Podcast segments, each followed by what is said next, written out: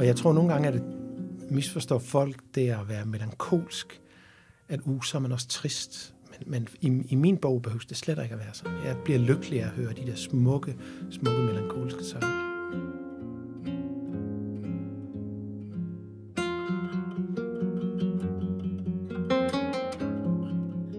Velkommen til en ny Mediano Music podcast. Vi hørte en 15-20 sekunder af nummeret Yellow Spaceship. For gæsten i dag er gitarristen Jakob Gorevich. Velkommen her i studiet, Jakob. Tak skal du have. Eller Ola, har jeg lyst til at sige. Ja, det må du gerne. For det handler i høj grad om uh, dit aktuelle album Yellow Spaceship. Det vi hørte før var titelnummeret, som er dit fjerde album. Har jeg ret i det? Ja, det er det. Uh, der ligesom de forrige er jo er domineret af dit spil på akustisk spansk guitar. Den nyeste plade har i øvrigt kørt på repeat hjemme hos mig de sidste dage. Uh, den bringer lidt uh, sydlands sol ind i vintermørket, synes jeg. Det er dejligt. Det lyder da godt. Det kommer vi til at høre meget mere til. Mange danskere kender dig sikkert som den ene guitarist i The Antonelli Orchestra, øh, hvor du, du har lige fortalt mig at have været med fra begyndelsen i, ja, hvornår egentlig? Altså, jeg tror, det er, det vil være 18 år, 18-19 år siden. Ja. sådan. Og det var Vild med Dans i sin tid, Ja. der startede der. Det var det faktisk. Og senere hen er det et meget øh, virkelig populært program, Toppen af Poppen, jo også kommet til. Ja. Hen ad vejen har du så spillet sammen med en lang række danske musikere, blandt andet øh, Savage Rose, ved jeg, og Camille Jones, Cecilie Nordby og Mm. andre. Men øh, Jakob er ikke bare kendt i Danmark. Her er et par tørre tal. Det første, ja, det var vel nærmest dit første nummer, Lovers in Paris, var det ikke? Jo, det var det før, allerførste nummer, jeg udgav. Ja. Det er rigtigt. Det streamede øh, 8,5 millioner gange på Spotify. Ja. Det er meget. Og den video, der hører til, er set øh, 35 millioner gange på YouTube. Ja, det er rigtigt. Jeg ser dig jo lidt som sådan, måske den sådan lidt hemmelige danske øh, guitar-succes i virkeligheden. Ja, det kan man da godt sige.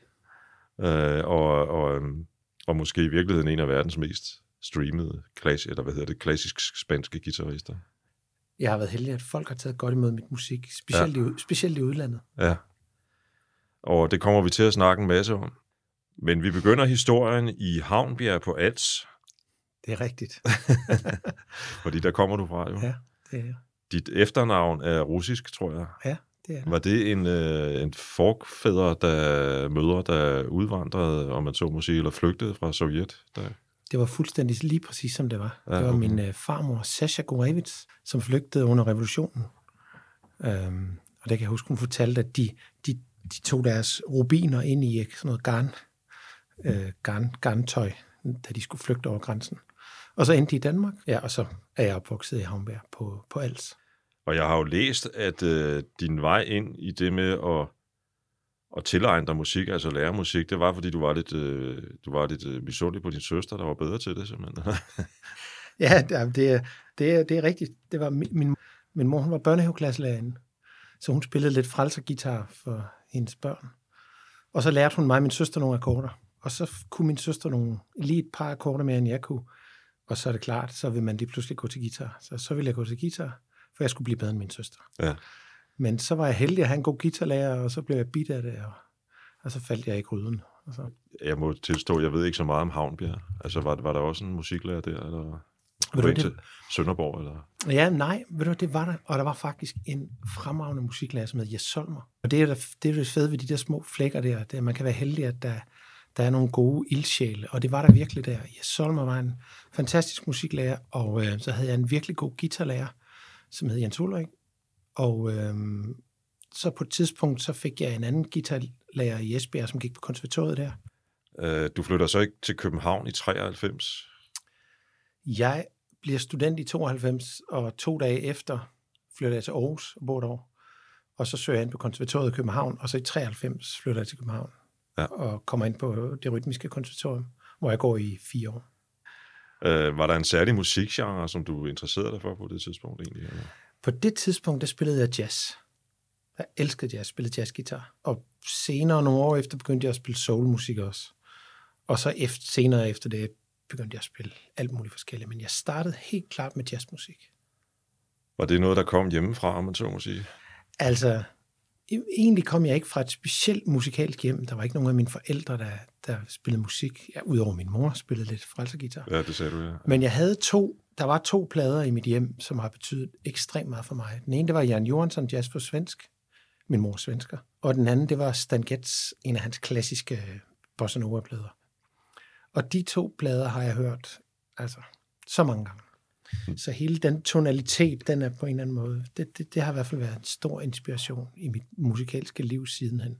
Og man må sige, at når man lytter til din musik, som vi kommer til lidt senere, den nyeste, ikke, så må man jo sige, at begge de to spor, du lagde ud der, de er jo stadigvæk med dig. Altså, Ja, ja, det kan man faktisk godt altså sige. jeg ved ikke, om der er Ja. bossa nova de, decideret på, på det nyeste album, men, men der er der den der brasilianske feel i uh, musikken, synes jeg. Måske er der lidt af den, men mest, jeg vil sige, der er, mere, der er nok mere af den melankoli, som der er fra Jan Johansson. Ja. Og de der lidt ja, melankolske visesange.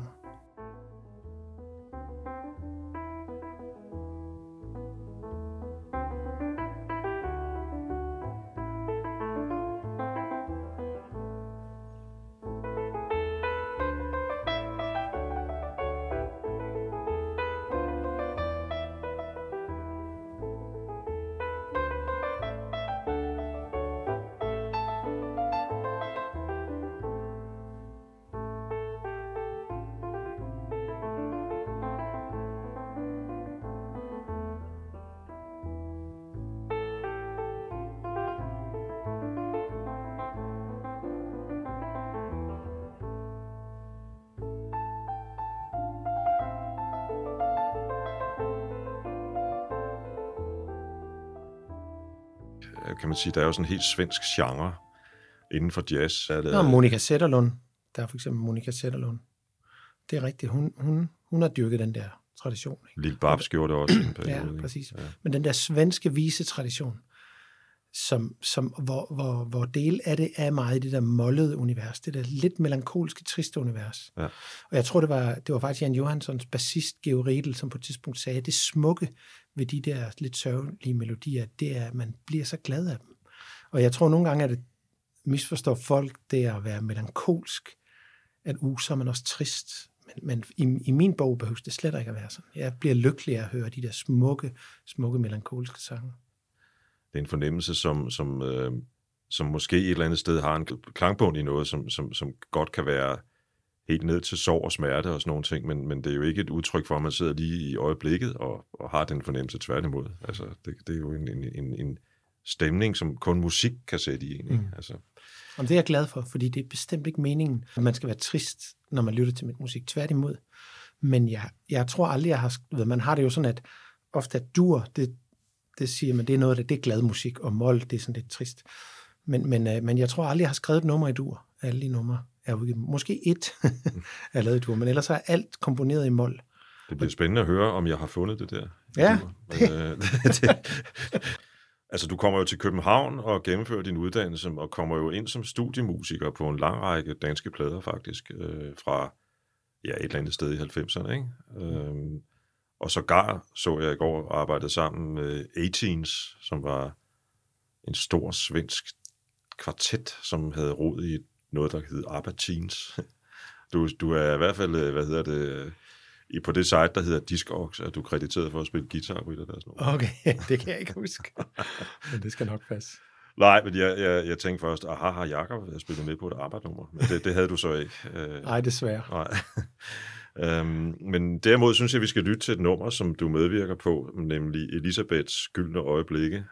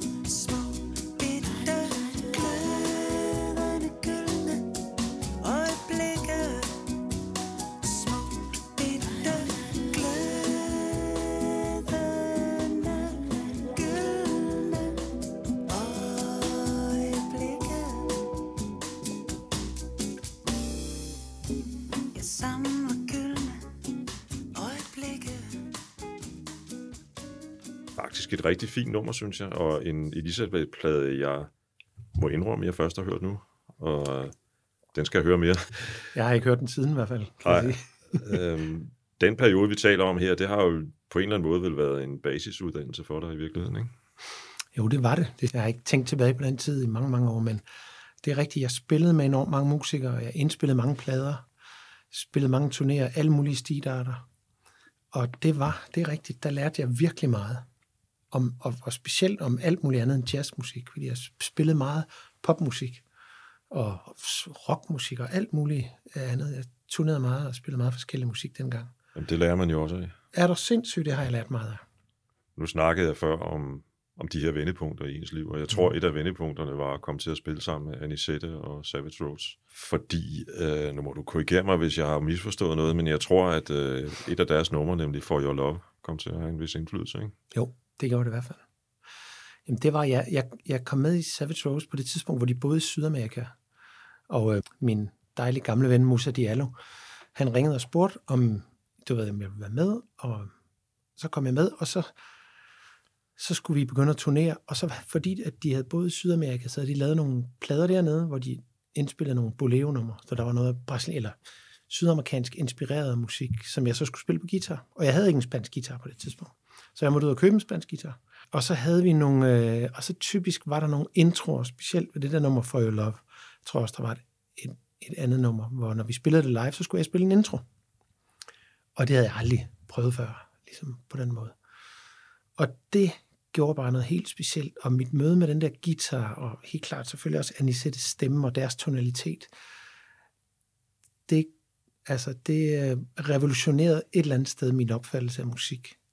Fordi at jeg følte, da det stod på, men også efterfølgende, der fandt jeg, det var ligesom om, at der var blevet en, rullet en rød løber ud foran mig. Okay, den her spanske guitar, det er den vej, du skal gå i dit liv. Så hele min søgen med at spille, du ved, elektrisk guitar, akustisk guitar, pop og rock og alt muligt, der kunne jeg ligesom se, okay, den, er, den spanske guitar, og så den her tonalitet med noget bolero, noget sydamerikansk musik skrevet i mol, øh, melankolskhed, øh, og det, det var bare, altså der, der faldt jeg totalt i gryden. Og der besluttede jeg mig til på det tidspunkt, at jeg, ved du hvad, det her, det, det, det skal blive min vej, det kunne jeg mærke. Og nu vil jeg øve mig en time hver dag resten af mit liv. Og det har du så forfulgt. Og det har jeg forfulgt. Det kan man jo høre, hvis man lytter til din musik. Vi skal, jeg synes, vi er nødt til at høre For Your Love. Og, Meget gerne. og jeg kan fortælle, at uh, gitarristen, der er med på pladen, han hedder Federico Ramos. Fantastisk. Hvis nok bosiddende i Los Angeles, tror jeg. Stadigvæk. Fantastisk. Tegla þeim að tekja inn huga.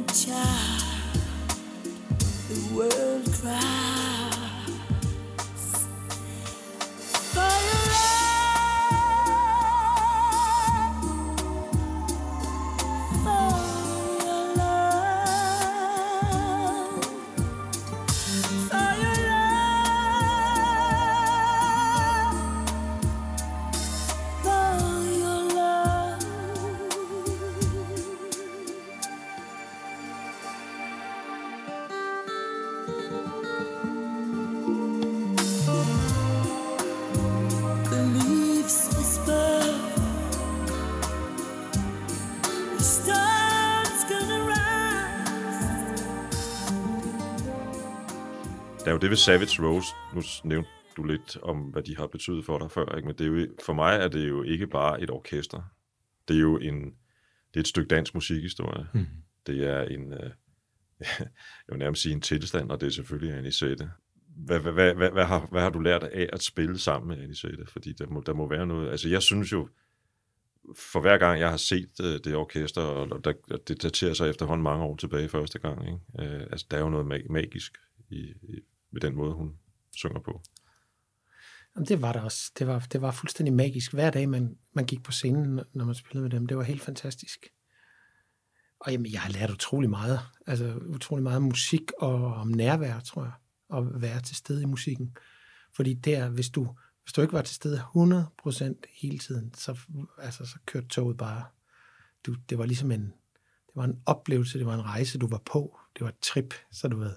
Det var bare en nyde hvert sekund. Ikke? Mm. Og så har jeg selvfølgelig fået den, den del med, at, at det på en eller anden måde er noget af det, der, der fik mig til at opfinde den, altså opdage den spanske guitar. Ja. Så det har haft kæmpe betydning for mig, også efterfølgende, det møde.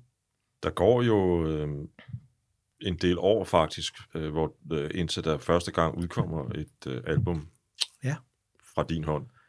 Altså, det er jo en, en, en meget sjov historie, hvordan det ender med, at du får udgivet et album, som øh, jo betyder, at man skal omkring øh, Ibiza, tror jeg.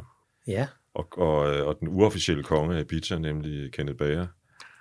historien starter lidt før det, Ja, fordi man kan sige, at jeg begyndte at øve mig, og jeg, jeg fandt ud af, okay, nu havde jeg ligesom på en eller anden måde fundet min, min, min musikalske stemme her. Men, men når jeg så kiggede ud på, hvad kan man sige, ud i verden i det der, i det spanske guitarlandskab, så var der jo nogle forfærdeligt dygtige guitarister. Ikke? Altså helt vildt mange. Altså, hvis du bare tager til Spanien og ser flamenco, du ved, så var der, du kunne få svin med de bedste guitarister i verden. ja, ja, Ikke? ja. Og de havde øvet sig, siden de var fem år gamle. Ja, Ja, havde ikke lavet andet ja. end at dyrke den her tradition. Og det samme, hvis du tager til Argentina, så har du tangoen og, og, den, og den stil. Ikke? Så jeg havde sådan lidt, jeg startede, og så lige pludselig blev jeg ramt af sådan noget, okay, hvad fanden har jeg rodet mig ud i? Ikke? Fordi jeg, jeg, jeg tænkte, jeg kan aldrig nogensinde, lige meget hvor meget jeg øver mig, blive, blive, blive lige så god som de her, de her musikere. Ikke? Så jeg tror, jeg hurtigt blev klar over, okay, min vej i det her, der, jeg bliver nødt til at skrive min eget musik. Og, og så kan man sige, så, så kan folk lide det eller lade være. Men, men så har jeg meldt mig ud af den der konkurrence, hvor man ligesom skal være Ja, bedst ja, ja, på en ja. eller anden måde. Ikke? Så jeg, jeg, jeg begyndte hurtigt at skrive musik, øh, ret hurtigt at skrive musik. Så hvis jeg forstår det ret, så, så er, den musik, du så begyndte at skrive, det var mere sådan, det var, det var din, altså det var Jakobs musik, som ikke øh, påstod at være øh, klassisk spansk guitar på niveau med, øh, Ja, som for eksempel Paco de, Lucia, ikke? jo, præcis. Og hvad så derefter? Du, du begynder så at lave din egen musik. Jeg begyndte at skrive min egen musik derhjemme i min lejlighed på Nørrebro. Og når jeg er ude at rejse, jeg rejste meget på det tidspunkt i Brasilien og i Sydamerika, bare for at suge til mig. Ikke? Så jeg skrev meget musik i Rio faktisk, øh, for 20 år siden. Og det var bare, du ved, eller nu siger jeg bare, men for mig var det bare små, små melodier, og du ved, jeg indspillede et akkompagnementspor, og så indspillede jeg et temaspor, og så, nå, fordi det var jo helt nyt for mig, jeg skulle ligesom, jeg havde ikke prøvet det her før. Men. Og så sker der det, at når jeg har skrevet en, en del numre, så, så kommer jeg tilbage til, til Danmark, og så er der en af mine venner, en hedder Allan, min bedste ven, han siger så til mig, hey, må jeg ikke spille det her musik? Jeg kender nogle fede DJ's. Må, jeg ikke, må de ikke remix det? Så sagde jeg, jo, whatever, det er fint. Og, og jeg tænkte ikke så meget mere over det.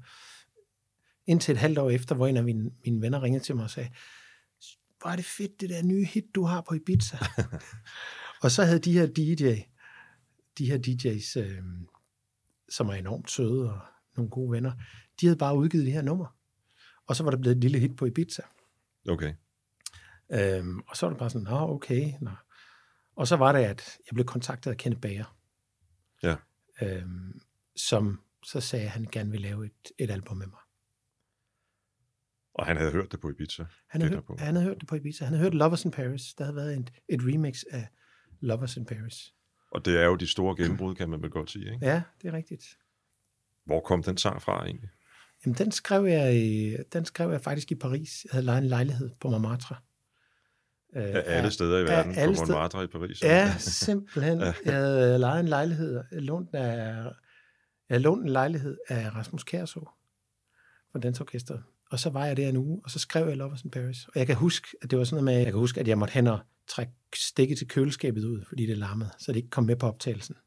og luk, ja, det var, det var en meget, meget fin beliggenhed lejlighed, lige til de der trapper op til Montmartre, så man hen og lukke skodderne, så jeg ikke fik det der ellers meget charmerende snak fra Paris med på optagelsen. Men jeg, jeg skrev og optog de spor øh, i en lejlighed i Paris for mange år siden. Fantastisk historie. Der er også den der øh, trolley-ting, eller hvad sådan en hedder, der kører op og ned. Den må også give en del larm, så vidt jeg husker. Jo, præcis. Men det er altså det, jeg optog i den lejlighed, man hører på originalen. Så, så jeg har formået at, at, at, at få det værste støj væk. Ikke?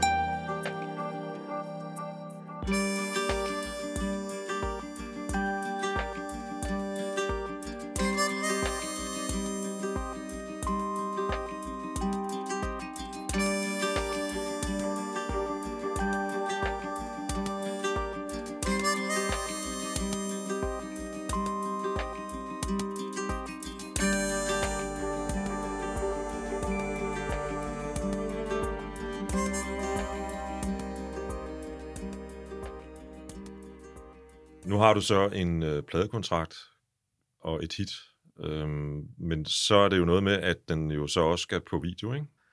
Jo, og det er faktisk en meget sjov historie, fordi at, at jeg lavede den her, men jeg kan ikke huske, om det var, om jeg havde lavet hele pladen, eller det havde jeg måske, men, men anyway, så min, jeg har jo spillet med i Randele i mange år, som er en kær ven, og også af familien, og så var vi til en fest sammen, og så siger hans meget, meget, meget søde kone, Lisette, hey, Goody, hun kalder mig Goody. Så man spørger, hvor, hvordan det navn er opstået. ja, nej, det ved jeg ikke engang. Det, det ved jeg faktisk ikke. Videre. Ja. men, men, og så sagde hun, hey, hun har hørt det der More Lovers in Paris, og hun elskede det, om hun ikke måtte lave en video. Og så sagde jeg, jo, det må du gerne. Og så tænkte jeg, ja ja, vi var til en fest, og vi var lidt fulde og sådan noget der. Klokken 9 næste morgen ringede hun, ja, nå, men vi skal lige finde ud af, hvordan vi laver den der video. Så det var, og så sagde jeg, prøv at lige sætte. Jeg aner ikke noget om at lave en video. Jeg, jeg har lige lavet det her nummer. Jeg ved ikke engang, om jeg synes, det fortjener en video. Øhm, så hun, vil du have? Og så sagde jeg, hvordan vil du have det? Så sagde jeg, jeg aner ikke noget. Du bestemmer bare. Og så ligesom besluttede hun, eller så bestemte hun, hvordan videoen skal være. Hun havde en, en, en god veninde, som skulle være med, og, og så skød vi den på en dag, på en, vi skød den på en dag, på en tangobar inde i byen, og så op ved Hornbæk Strand. Så klippede vi den, og så sendte vi den ud. Mm-hmm. Og så tænkte jeg ikke mere over det. Okay. Hvordan er det så, du bliver opmærksom på, at der faktisk sker noget med den her video? Altså man kan sige, det er jo så det, det var der, jeg oplevede, at, at, at sådan en video kan, kan, kan gå viralt på en eller anden måde. Ikke? Fordi den begyndte at blive spillet, og folk begyndte at dele den. Og det var meget sjovt, fordi man kunne så følge den i starten, der var der havde jeg slet ikke styr på det, og jeg fulgte slet ikke med, men lige pludselig kunne jeg godt se, at nu kom den til, var der folk, der delte den i Grækenland, så begyndte folk at dele den i Rom, så begyndte folk at dele den. Og lige pludselig så, så, så rundede den en million, så er det bare gået slag slag derefter. Det er jo en helt vild historie i virkeligheden, ikke? Ja. Øhm, og jeg ved godt, der er masser af dem på, øh, på den der kanal, ikke? men alligevel. Øhm, altså en af de ting, hvor jeg, som jo interesserer mig lidt, fordi jeg har været så mange år i, i eller beskæftiget mig med den her branche i så mange år, det er det der med, at klassisk, når du udgiver noget musik, så er du nødt til at sætte nogle jungletrummer i gang. Mm. Du skal kontakte pressen, du skal kontakte venner og bekendte og sådan noget, fordi du ved, mund til øre har også en stor Mm. betydning. Mm. Øhm, det her, det er jo bare noget, der er kommet helt af sig selv. Altså, det er jo i virkeligheden en hver pladeudgivers store drøm, må det være. Ja, altså jeg vil, jeg vil også sige, jeg har, jeg har fået rigtig god hjælp fra, fra Music for Dreams og Ken Bager. Ja. Øh, og de har jo ligesom, du ved, de har arbejdet rigtig fint med det. Hvordan skal jeg sige det? Jo, de har arbejdet rigtig fint med det. Og jeg tror faktisk, en af de første, en af de ting, der skete, det var, at Music for Dreams fik det med på øh, øh, sådan nogle chill-out øh, compilations, der hedder Café Del Mar. Så der kom den med. Det var ligesom den første, okay, vi har fået Lovers in Paris med på Café Del Mar. Yes, det var virkelig, virkelig stort. Og så sendte vi videoen ud, og så blev den delt lidt i det der netværk. Og, så de har helt klart også været medvirkende til, at det Ja. skete. Men, Jeg, jeg har godt set på YouTube, at der er mange på de der kommentarer, der, der er under dine øh, videoer, du har efterhånden en hel del jo, Ja. øh, at der er mange, der bruger det som netop chill out, eller øh, meditationsmusik, eller, eller, eller afspændingsmusik Ja. for den sags skyld også. Ikke? Hvilket jeg godt kan forstå, fordi det er jo også den stemning, det sætter i en Ja, ja, et eller andet sted. Ikke? Plus, som jeg sagde indledningsvis, øh, sol. Så, udsigt til blåt vand, ikke? præcis. og måske en lille drink i baren der nede ved stranden. Du, du skriver nogle af de, de, de første ting øh, i, i, øh, i Sydamerika, i Brasilien, Rio, siger du. Mm-hmm. Kan man, kan man tale om, at, at ligesom hvis en forfatter rejser et eller andet sted hen i verden, fordi, fordi vedkommende ønsker at, at skrive en bog, der udspringer af en bestemt by, eller et, et landskab, eller et eller andet. Er det, giver det så også dig ekstra inspiration at gå rundt i sådan en by som Rio? Eller jeg ved også, du har også været i Argentina mm. og boet der et halvt års tid. Ikke? Jo, det er rigtigt. Eller, eller, eller altså er, det en, er, det, er det udelukkende et spørgsmål, han har sagt om akkorder, akkorder og, og fingersætning på gitaren? Og sådan noget? Overhovedet ikke. Og man kan sige, for mig var det jo, jeg, jeg, man kan sige, jeg, jeg, jeg, blev, jeg, jeg mødte min passion, den spanske guitar. Ikke? Mm. Så det er klart, det var en, en, en, stor, en stor del af det, det var at rejse i Sydamerika, hvor, hvor man kan sige specielt tangoen, men også bossa nova, hvor, hvor, hvor- hvor deres musikstilarter er en del af deres tradition. Så det er klart, det betød ekstremt meget for mig at komme ned og snuse til, hvordan de musiktraditioner, de, altså hvordan det var. Så jeg var der faktisk, jeg, jeg var faktisk i Brasilien hvert eneste år i 10 år, og jeg boede et halvt år i Argentina, i Buenos Aires, og har været der tre gange. Så jeg har været meget dernede, så det, det, det tror jeg betyder rigtig meget for min videre udvikling. Efterhånden, som sagt, er der jo optaget en hel del videoer, og også videoer, der er optaget, altså for eksempel i USA, ikke? Altså der er en, Mm. en video til en af dine numre, hvor Klaas Bang kører rundt i en bil. Ja, Udpræget i Hollywood, ikke? jo, Det, det kan man ikke være i tvivl om, når man ser den. Nej, det det rigtigt. står også på det store skilt, om ikke andet. Øh, og så er der også en, en video, der er optaget øh, formentlig ude i Joshua Parken. Ja, det er rigtigt. Øh, fordi nummeret hedder Saint of Joshua. Ja. Joshua. Ja. Og det er, er det sådan et eller andet med efterhånden, at, at, at, at, at så er også blevet råd til det, eller, eller hvordan? Jamen, jeg tror bare, at lige pludselig så, øh, du ved, det begyndte at gå godt, og, og folk begyndte at, du ved, da, da Lovers in Paris begyndte at streame rigtig meget, så kunne jeg godt se, at det var, altså, at man på en eller anden måde havde, havde den der YouTube-kanal, at det var noget, folk de lyttede til. Og så tænkte jeg bare, så, jeg har en rigtig god ven, der hedder Louis Laursen, som har lavet en del af mine videoer. Og så sagde jeg bare til ham, skal vi ikke tage til USA og lave nogle videoer? Altså, hvorfor ikke? Nej, hvorfor ikke? Ja. Nej. What's not to like, What, lige præcis. What's not to like, ikke? Så det var mixed business with pleasure. Ja. Så der var vi i 14 dage og, og lavede ja, en del film derovre. Det er vigtigt, når man lander derovre, husk at sætte kryds det rigtige sted, business eller pleasure. Ja, Eller nu ved jeg ikke, om det fungerer vel ikke sådan mere, men sådan var det i hvert fald på et tidspunkt. det var ren pleasure, det der, det er Ja. helt sikkert. Dit andet album, In Search of Lost Time, udkom i 19, altså fire år efter det Mm. første. Og jeg synes, vi skal lytte til den over derfra med sanger din gode ven, Iran, som du allerede ja. har nævnt. Uh, og det er på hebraisk, Yes. og jeg ved ikke, om jeg tør udtale titlen. Ja, Aisham... Aisham, ja, præcis. Aisham Baufek.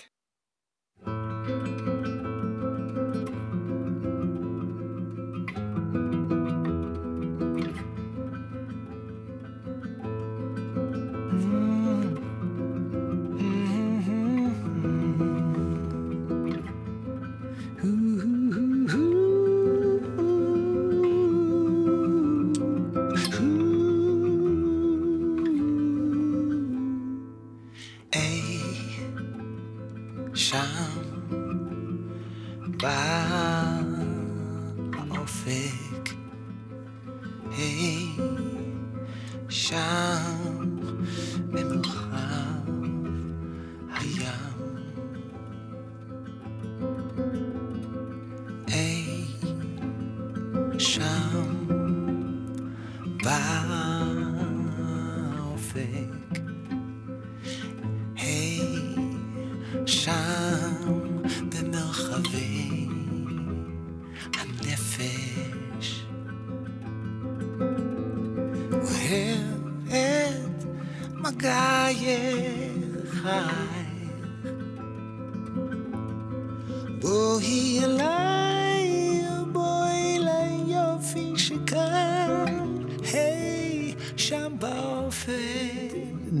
Aisham øh, Baufek, det kom faktisk til, øh, det skrev mig og Ran på et job i et eller andet sted i Jylland, hvor vi sad i, du ved, inden vi skulle op og spille en koncert med ham.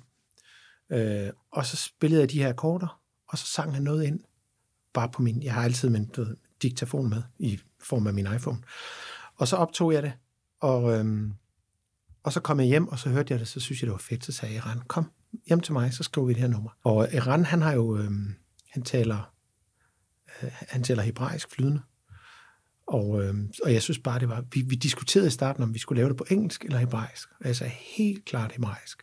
Mm. Fordi det er så smukt, det sprog. Ja. Og, og, og det var bare det var mere unikt.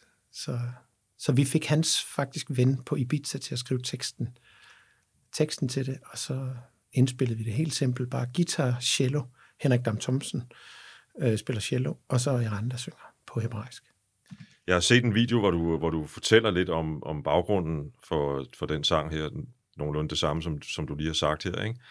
Øhm, og så siger du, at, øh, at det kan godt være, at man ikke forstår teksten, fordi det er på et sprog, man ikke forstår, men fornemmelsen, følelsen i det, der bliver sunget og spillet, den forstår man jo. Og der synes jeg jo egentlig, at du er inde på noget meget i virkeligheden centralt med musik, ikke? fordi man kunne sige det samme om klassisk musik og instrumental musik. Man kunne især sige det om filmmusik. Ikke? Altså filmmusik er jo skabt til at skabe du ved, mm. følelser ind i os, som, som matcher det, vi sidder og ser på celluloiden. Ikke? Præcis. Eller ja, i vores dage er det måske på telefonen eller Ja. iPad'en, eller hvor man nu ser det. Ikke? Og jeg kunne godt tænke mig at tage et af numrene øh, og, og spille, fordi jeg, jeg synes, det er meget stemningsfuldt, øh, som også er fra dit andet album, og det er det, der hedder Spanish Inquisition. Ja. Det er jeg glad for, du vælger.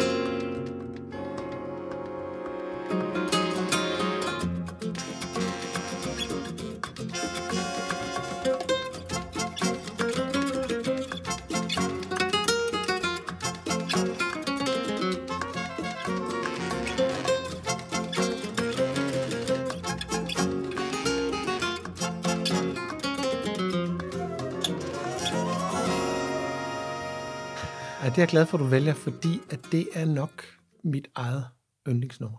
Hvis, okay. man, kan, hvis man må have det. Gerne eget. for mig, ja. Øh, men, men det er jeg rigtig glad for, det nummer. Og specielt fordi, jeg er rigtig glad for det, specielt fordi, at det øh, blæsearrangement, der er, som er lavet af min gode ven og fremragende arrangør Per Ekdal. Og jeg indspillede nummeret i studiet er i trio-version sammen med Jakob Andersen og Bastian Schellberg. Han spiller bongo, som Jakob var mester til. Og så, vi lavede den her trio-version, og så, så hørte jeg bare for mig, på en eller anden måde. Så jeg, jeg ved ikke, om det var, fordi jeg gik og hørte Miles Davis øhm, Sketches of Spain de dage, men jeg tænkte, okay, der skal noget messing på det her. Og så sendte jeg den til Per. Og så sendte han det her tilbage. Altså fuldstændig perfekt. Jeg skulle ikke flytte et komma. Så, så jeg er virkelig glad for det blæsearrangement. Og jeg er virkelig, virkelig glad for den måde, Jacob Andersen spiller på. Men det er også et fedt blæserarrangement, og det er jo en af grundene til, at jeg har taget nummeret ud. Øhm, og så også måske, fordi det handler om noget, som ikke er så solfyldt, kan man sige, og, og chilleragtigt, og drink ved poolkanten, nemlig den spanske inkvisition, som i virkeligheden er et af de mere grimme kapitler af menneskehedens historie. Ikke? Mm. Var det noget, du ville udtrykke i det her nummer? Altså ligesom minde os om, at det var der også, eller hvordan? da jeg fandt på den titel, jeg tror, det var mere fordi, at når vi spiller det her nummer live, så er det mere, det er det mest sådan eks- ekspressive og eksplosive nummer, jeg spiller. Øh, så, så lige pludselig kom den der titel var The Spanish Inquisition, at der var lidt, øh, der var mere på spil. End, end Øh, jeg gætter på, at du også er inspireret af filmmusik, er du ikke? ekstremt meget. Meget inspireret af filmmusik. Og det er både Morricone og fransk filmmusik, og jeg har lyttet meget til filmmusik. Ja, nogle specielt franske komponister.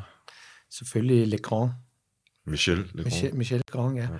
Men i det hele taget, i det hele taget har jeg været meget inspireret af fransk, øh, fransk chanson, de der franske vise, George Brassens, selvfølgelig Edith Piaf, og jeg har lyttet rigtig meget til fransk, fransk musik fra 50'erne og 60'erne. Nu fortalte du jo også, at du havde arbejdet i en lejlighed på Montmartre øhm, Ja, på et tidspunkt, eller måske har gjort det efterfølgende også, ikke?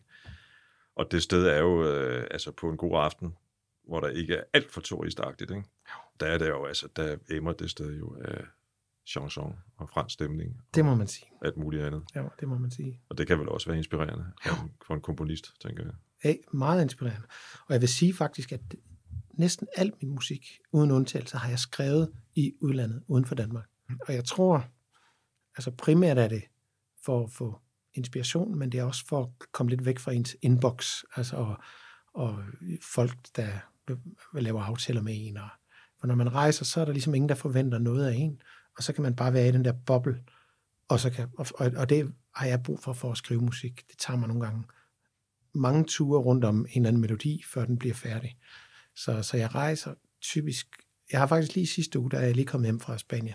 Jeg er lidt øh, inspireret af din, øh, din, det allerførste, du fortalte, om, om nu vi snakker om inspiration, om din, din øh, altså forfædre der, der flygtede fra, øh, fra revolutionen i, i, i Rusland, Mm. som blev til Sovjetunionen. Din slægtshistorie, er det også noget, du kan bruge til noget som, som inspiration i din øh, musik? Er det noget, du tænker over, når du... Der er jo, øh, altså, der er jo en masse, altså i det hele taget er, er, er der en masse melodrama i, i Ruslands historie, og, og store følelser, og det er der jo også i den store russiske litteratur og musik og så videre. Jamen, jeg, jeg vil mere sige, det, det er nok mere de der store følelser i musikken, eller de store små følelser, fordi at både, altså min, min mor er svensk, og så fra min fars side, den, den er russisk. Ja. Og, og som sagt, den svenske visetradition har vi talt om, at den har den der melankoli, men det har den russiske faktisk også.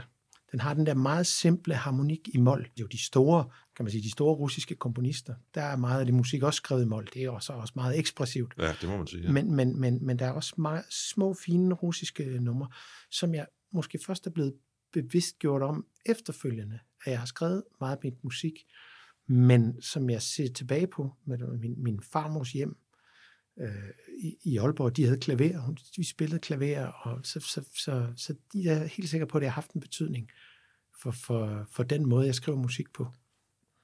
Og Dostojevski og Tolstoy, det er altså også mål Ja, med, med, store, med capital letters, skal Jamen. jeg sige så sige. det er det.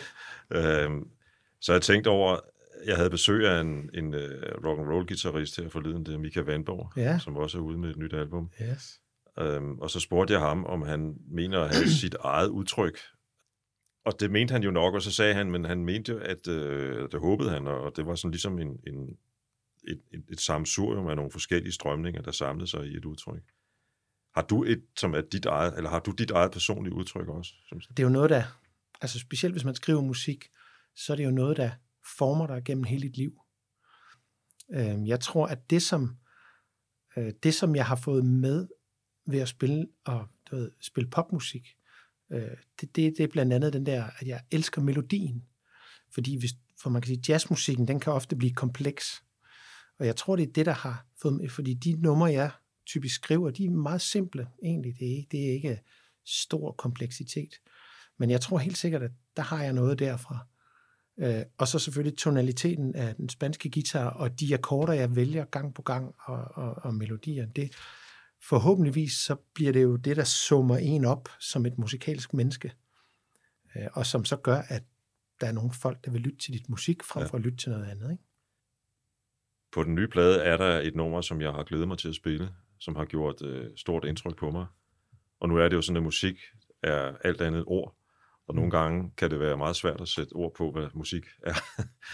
Også selvom man i mange år har levet af at skulle prøve at gøre det ligesom mig. Ikke? Og jeg har ret... Altså jeg kan sige, den spanske sangerinde, som du arbejder sammen med her, Buika, Mm. lyder i den grad som ingen andre sanger, jeg har hørt i mit liv. Nej, hun er for vild. Øhm, så lad os lige lytte til Melan- Melancholia.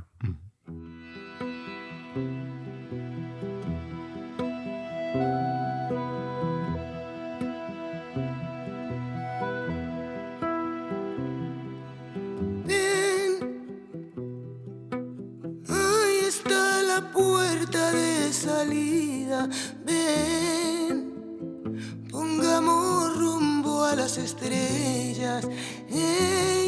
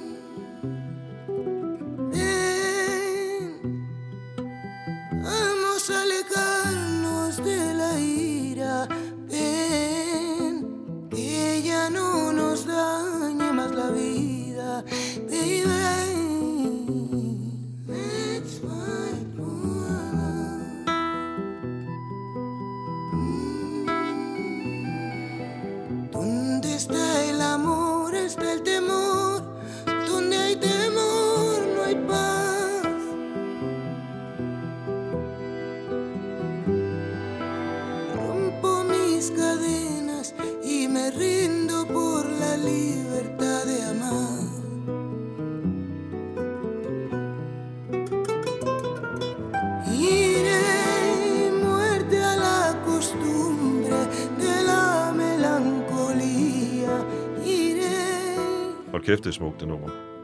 Tak skal du have. Øh, hvordan kom du i kontakt med hende? Jeg ved, hun er en meget stor stjerne i den spansktalende verden. Ja, jamen altså, øhm, jeg havde skrevet lidt med hendes amerikanske management på et tidspunkt. Og så fik jeg Kenneth Bager, så sagde jeg til Kenneth, hvor jeg har lavet det her nummer. Jeg var ved at lave den her plade for ja, et års tid eller to siden. Og så havde jeg lavet det her nummer, instrumentalnummer, hvor der manglede noget vokal, og så snakkede vi lidt om, om at det kunne være fedt at prøve at få en eller anden sanger på. Og så sagde jeg, prøv at jeg er kæmpe fan af Buika. Kan du ikke prøve at skrive til, til hendes management og høre, om hun har lyst? Og så meldte de tilbage. Og sagde, det ville hun gerne. Hun havde, han sendte nummeret over, og så meldte hun tilbage. Og så fik jeg, øh, fik jeg en fed telefonopringning en torsdag aften i november for halvandet år siden, eller hvornår det var. Og jeg tog telefonen, og jeg sagde, det er Jacob. Hola papi, sagde hun bare. og så snakkede vi i tre kvarter, og hun sagde, at hun elskede mit musik, og, og jeg var selvfølgelig kæmpe fan af hende. Og så sendte jeg ligesom filerne, og så sendte hun filerne tilbage. Og det var den måde, vi, vi lavede det på, sådan long distance. Hun, hun bor i Miami. Okay, og det har jo også været under corona, Ja. så det har jo også været svært at skulle mødes under alle omstændigheder. Ikke? Præcis. Hun har indspillet noget afrikansk musik med Santana, kan jeg se. Ja. Øh, godt nok optaget i Los Angeles, så mere afrikansk var det heller ikke, men hvis vi tager et nummer som det, vi lige har hørt, øh, Melancholia, så kunne jeg godt tænke mig, øh, jeg kan godt lide at tage et proces. Mm. Hvordan opstår sådan et nummer? Nu tænker jeg ikke så meget på, at du så skal kontakte hende, men, men, men fra begyndelsen af, mellem dig og din akustiske guitar. Jamen, det opstod ved, at jeg sad derhjemme under corona, og jeg havde lige fået nogle strygearrangementer fra min ven Per Ekdal. Han har indspillet stryger til Yellow Spaceship, mm. til ved ikke, måske fem af numrene. Ja. Og så mange af numrene, de går i enten E-mol eller A-mol. Og så sad jeg en aften og flippede over hans strygearrangementer. Så har jeg bare haft, ved, derhjemme og skruet godt op for rumklangen og nød de der du ved, otte spor med, med, med, med stryg, violin, cello og, og bratsch. Og så begyndte jeg at sidde og klippe lidt i det. Så begyndte jeg at sige, ah, så kan man tage lidt der og flytte lidt derover. Og så opstod der, så begyndte jeg at sidde og editere i det, de arrangementer. Så oh, der er også noget fra et andet nummer. Så hæver jeg noget stryger ind fra et andet nummer. Og så begyndte jeg at indspille noget guitar, den der rundgang, der er på, på nummeret. Så indspillede jeg den. Og så langsomt kom det her nummer øh, op, og, op at stå, og jeg tog faktisk lang tid at sidde og editere de der stryger. Og så til sidst havde jeg ligesom grunden til det. Og så plejer jeg at indspille du ved, noget tema-guitar og sådan noget, men det havde jeg ikke rigtig lyst til. Så jeg kunne bare mærke, ah, der skal noget andet, der skal noget vokal på det her. Og så var, så var det, vi begyndte at tale om, at der skulle en sanger på. Men det var sådan, det opstod.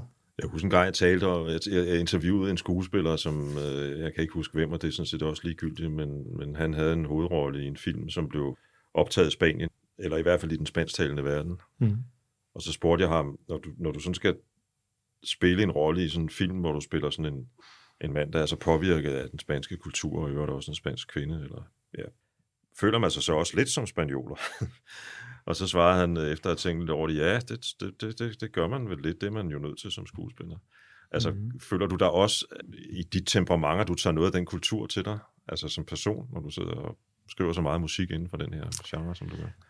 Altså egentlig ikke, faktisk. Øh, nej, det, det, det er ikke, fordi jeg ser sådan romantiske billeder af mig på en taverne. Altså, nej, jeg skriver, jeg, jeg skriver musikken, og det er ligesom en arbejdsproces Det er en at skrive proces, musik. ja. Ja. Og det, det har ikke... Det, jeg har skrevet en del musik i Spanien, men det er egentlig bare et tilfælde. Det kan lige så godt være skrevet alle mulige andre steder. Jeg tror, det vigtigste for mig, når jeg rejser og skriver musik, det er den der fordybelse, og at man ikke bliver forstyrret af nogen andre. Men, men jeg vil dog sige, at da Buika ringede til mig der den aften, af en, en, en regnværsaften uh, kl. 11 på Nørrebro, så mærkede jeg da lige vingesuset fra, fra noget, noget musik ud i verden. Det var, det var en fed oplevelse. Ja, det må det have været, ja. Der, der er to andre numre på øh, Yellow Spaceship med, med andre sangere. Det er Mark Lind, som, som optræder øh, som sanger i Antonelli Orkester, og den danske sangerinde og komponist Alice Cadetti. Øh, og hun synger på det nye nummer, og på fransk så siger man vel La Vie, ikke? La Ville, ja. La Ville, det er Ja, med... Ja. ja. Mit fransk er ikke fantastisk. Nej, det er mit heller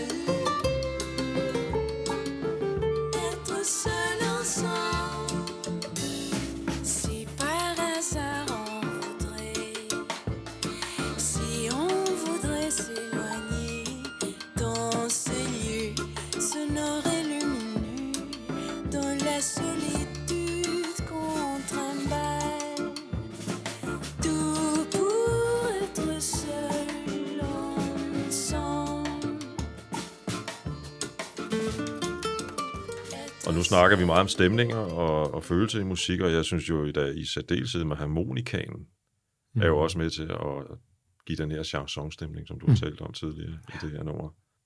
Og jeg, jeg kom til at tænke på at rejse, da jeg lyttede til nummeret Ja. i, i, i går eller i forgårs.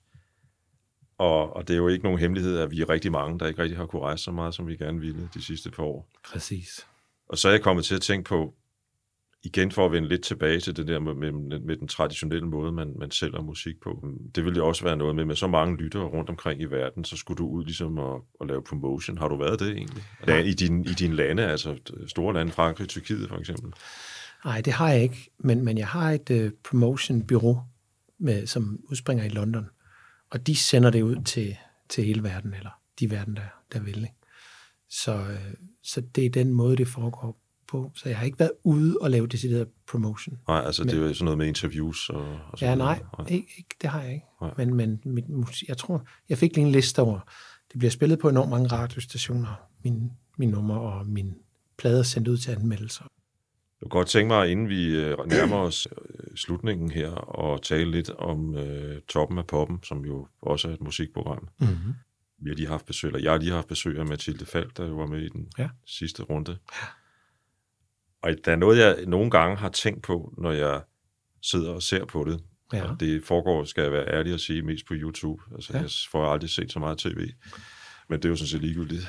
Og, øh, og det er, hvor meget er I, jer musikere, egentlig med til at, øh, at forme altså arrangementet af de sange, der bliver sunget? Er det den enkelte kunstner eller artist, der bestemmer, hvordan det skal lyde? Eller er det, er, har I også indflydelse på det?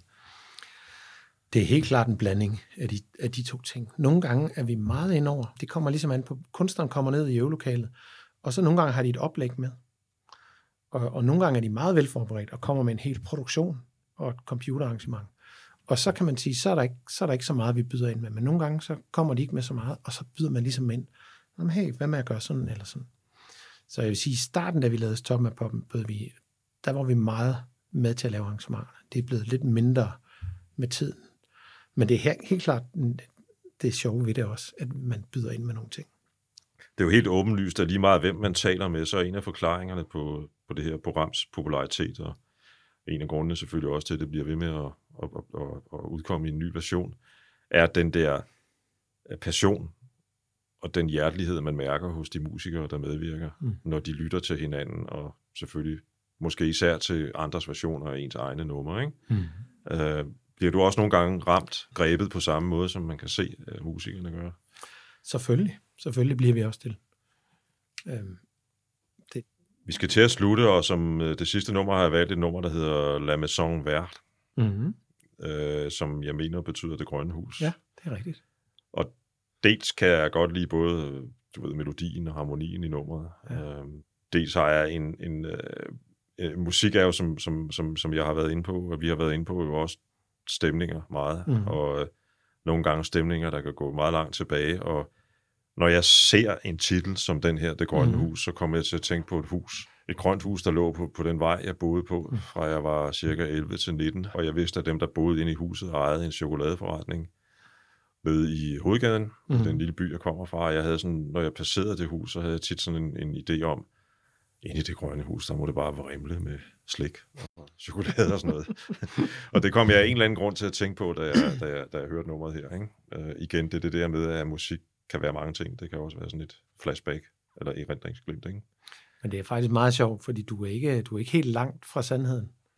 For jeg kan fortælle dig, at da jeg skrev musikken, da jeg skrev det nummer, det var i et, øh, min gode ven Allan, han øh, på det tidspunkt var kok i et, øh, i et hus, i en restaurant på Frederiksberg, som var et grønt, ligesom et grønt drivhus, et stort grønt drivhus, hvor akustikken var enormt fed. Så jeg tog derhen en dag og besøgte ham, havde min guitar med, så sad jeg bare og spillede, mens han stod og preppede maden der. Og det var alt det der lækre mad, han stod og lavede. Og der stod jeg og spillede med den der fede akustik, og der skrev jeg det der nummer. Så, så, Det er da utroligt, ikke? Altså, der kan en historie fra den, øh, fra, fra den tertiære istid pludselig vise sig at have, have, have noget med din, med, din, med din sangskrivning at gøre. så det var ret godt ramt. Men det er jo det fede ved at skrive musik på den måde, at det, er jo, det giver jo individuelle billeder hos folk. Og man kan sige, mig som skriver instrumental musik, jeg har jo ikke så meget tekstmæssigt at gøre godt med. Så det, jeg har at gøre godt med, det er ligesom stemning i musikken, og så har jeg en titel. Men det er ikke så meget, så, så hvis det kan skabe sådan nogle billeder for dig, så synes jeg, det er enormt vellykket. På det her nummer, der medvirker jo din, din ven gennem mange, mange år, Jakob Andersen. En, Mm. øh, man kan sige, kære ven af alle danske musikfans i alle aldre, havde nær sagt. Ikke? Mm, det er rigtigt. Øhm, nu spørger jeg, at det her album er muligvis det sidste, han kom til at medvirke på. Altså, når, man, når jeg tænker på, hvor produktiv Jakob var, så tror jeg ikke, at det var det sidste. Men det var måske en af de sidste. Ja, ja. Fordi han lavede og spillede og indspillede så meget musik, som ingen anden, jeg kender nogensinde. Han skal lige sige, hvis folk ikke ved det, han, ja, det er et, et års tid siden, han døde. Øh, øh, og, og jeg læste, hvor mange plader han havde medvirket på, eller numre han havde medvirket på, øh, på et tidspunkt, og det, det kan jeg slet ikke huske, men det var et enormt tal. Ja. Hvad var det, han kunne? Jeg skal fortælle dig, hvad Jakob han kunne. Jakob han kunne det, at han, han spillede, Jakob spillede hele tiden. Og han spillede, lavede tv, og han spillede turnéer. Og så om sommeren havde han måske to-tre turnéer. Ikke? Og så var der typisk, i musikbranchen, var der sådan typisk de første 10 dage i, øhm, i juli, hvor jazzfestivalen ligger. Ja. På en eller anden mærkelig måde, så mange af de store festivaljobs rundt omkring, de ligger ikke der. Og jeg kan ikke forklare dig, hvorfor, men det var bare sådan, det var. Og det er der, mange af de der turnerende musikere, der holder de sig fri. Bortset fra Jakob Andersen. Han spillede måske 30 jobs den uge. Og han altså, løb fra den ene koncert med et æg med til, en- til øh, en bongo til, til et andet sted. Og det var ligesom det, der var så vildt med ham. Det var hans... Altså, jeg har uden lige aldrig nogensinde mødt nogen, der havde så stor passion for at spille musik. Altså en rigtig spillemand. Og det var det, han kunne. Han var bare glad. Han grinede, han smilede, og selvom han spillede tre, fire jobs på samme dag. Altså han var fuldstændig, helt, helt fantastisk. Meget, meget, meget stor inspiration. Musikken var hans liv, simpelthen. Fuldstændig. Ved du hvad, det er en øh, smuk nude at slutte af på, synes jeg. Så jeg tror egentlig bare, jeg vil sige tusind tak, fordi du ville med, Jacob. Tusind tak, fordi jeg måtte. Og øh, lad os lytte til La Maison Vert.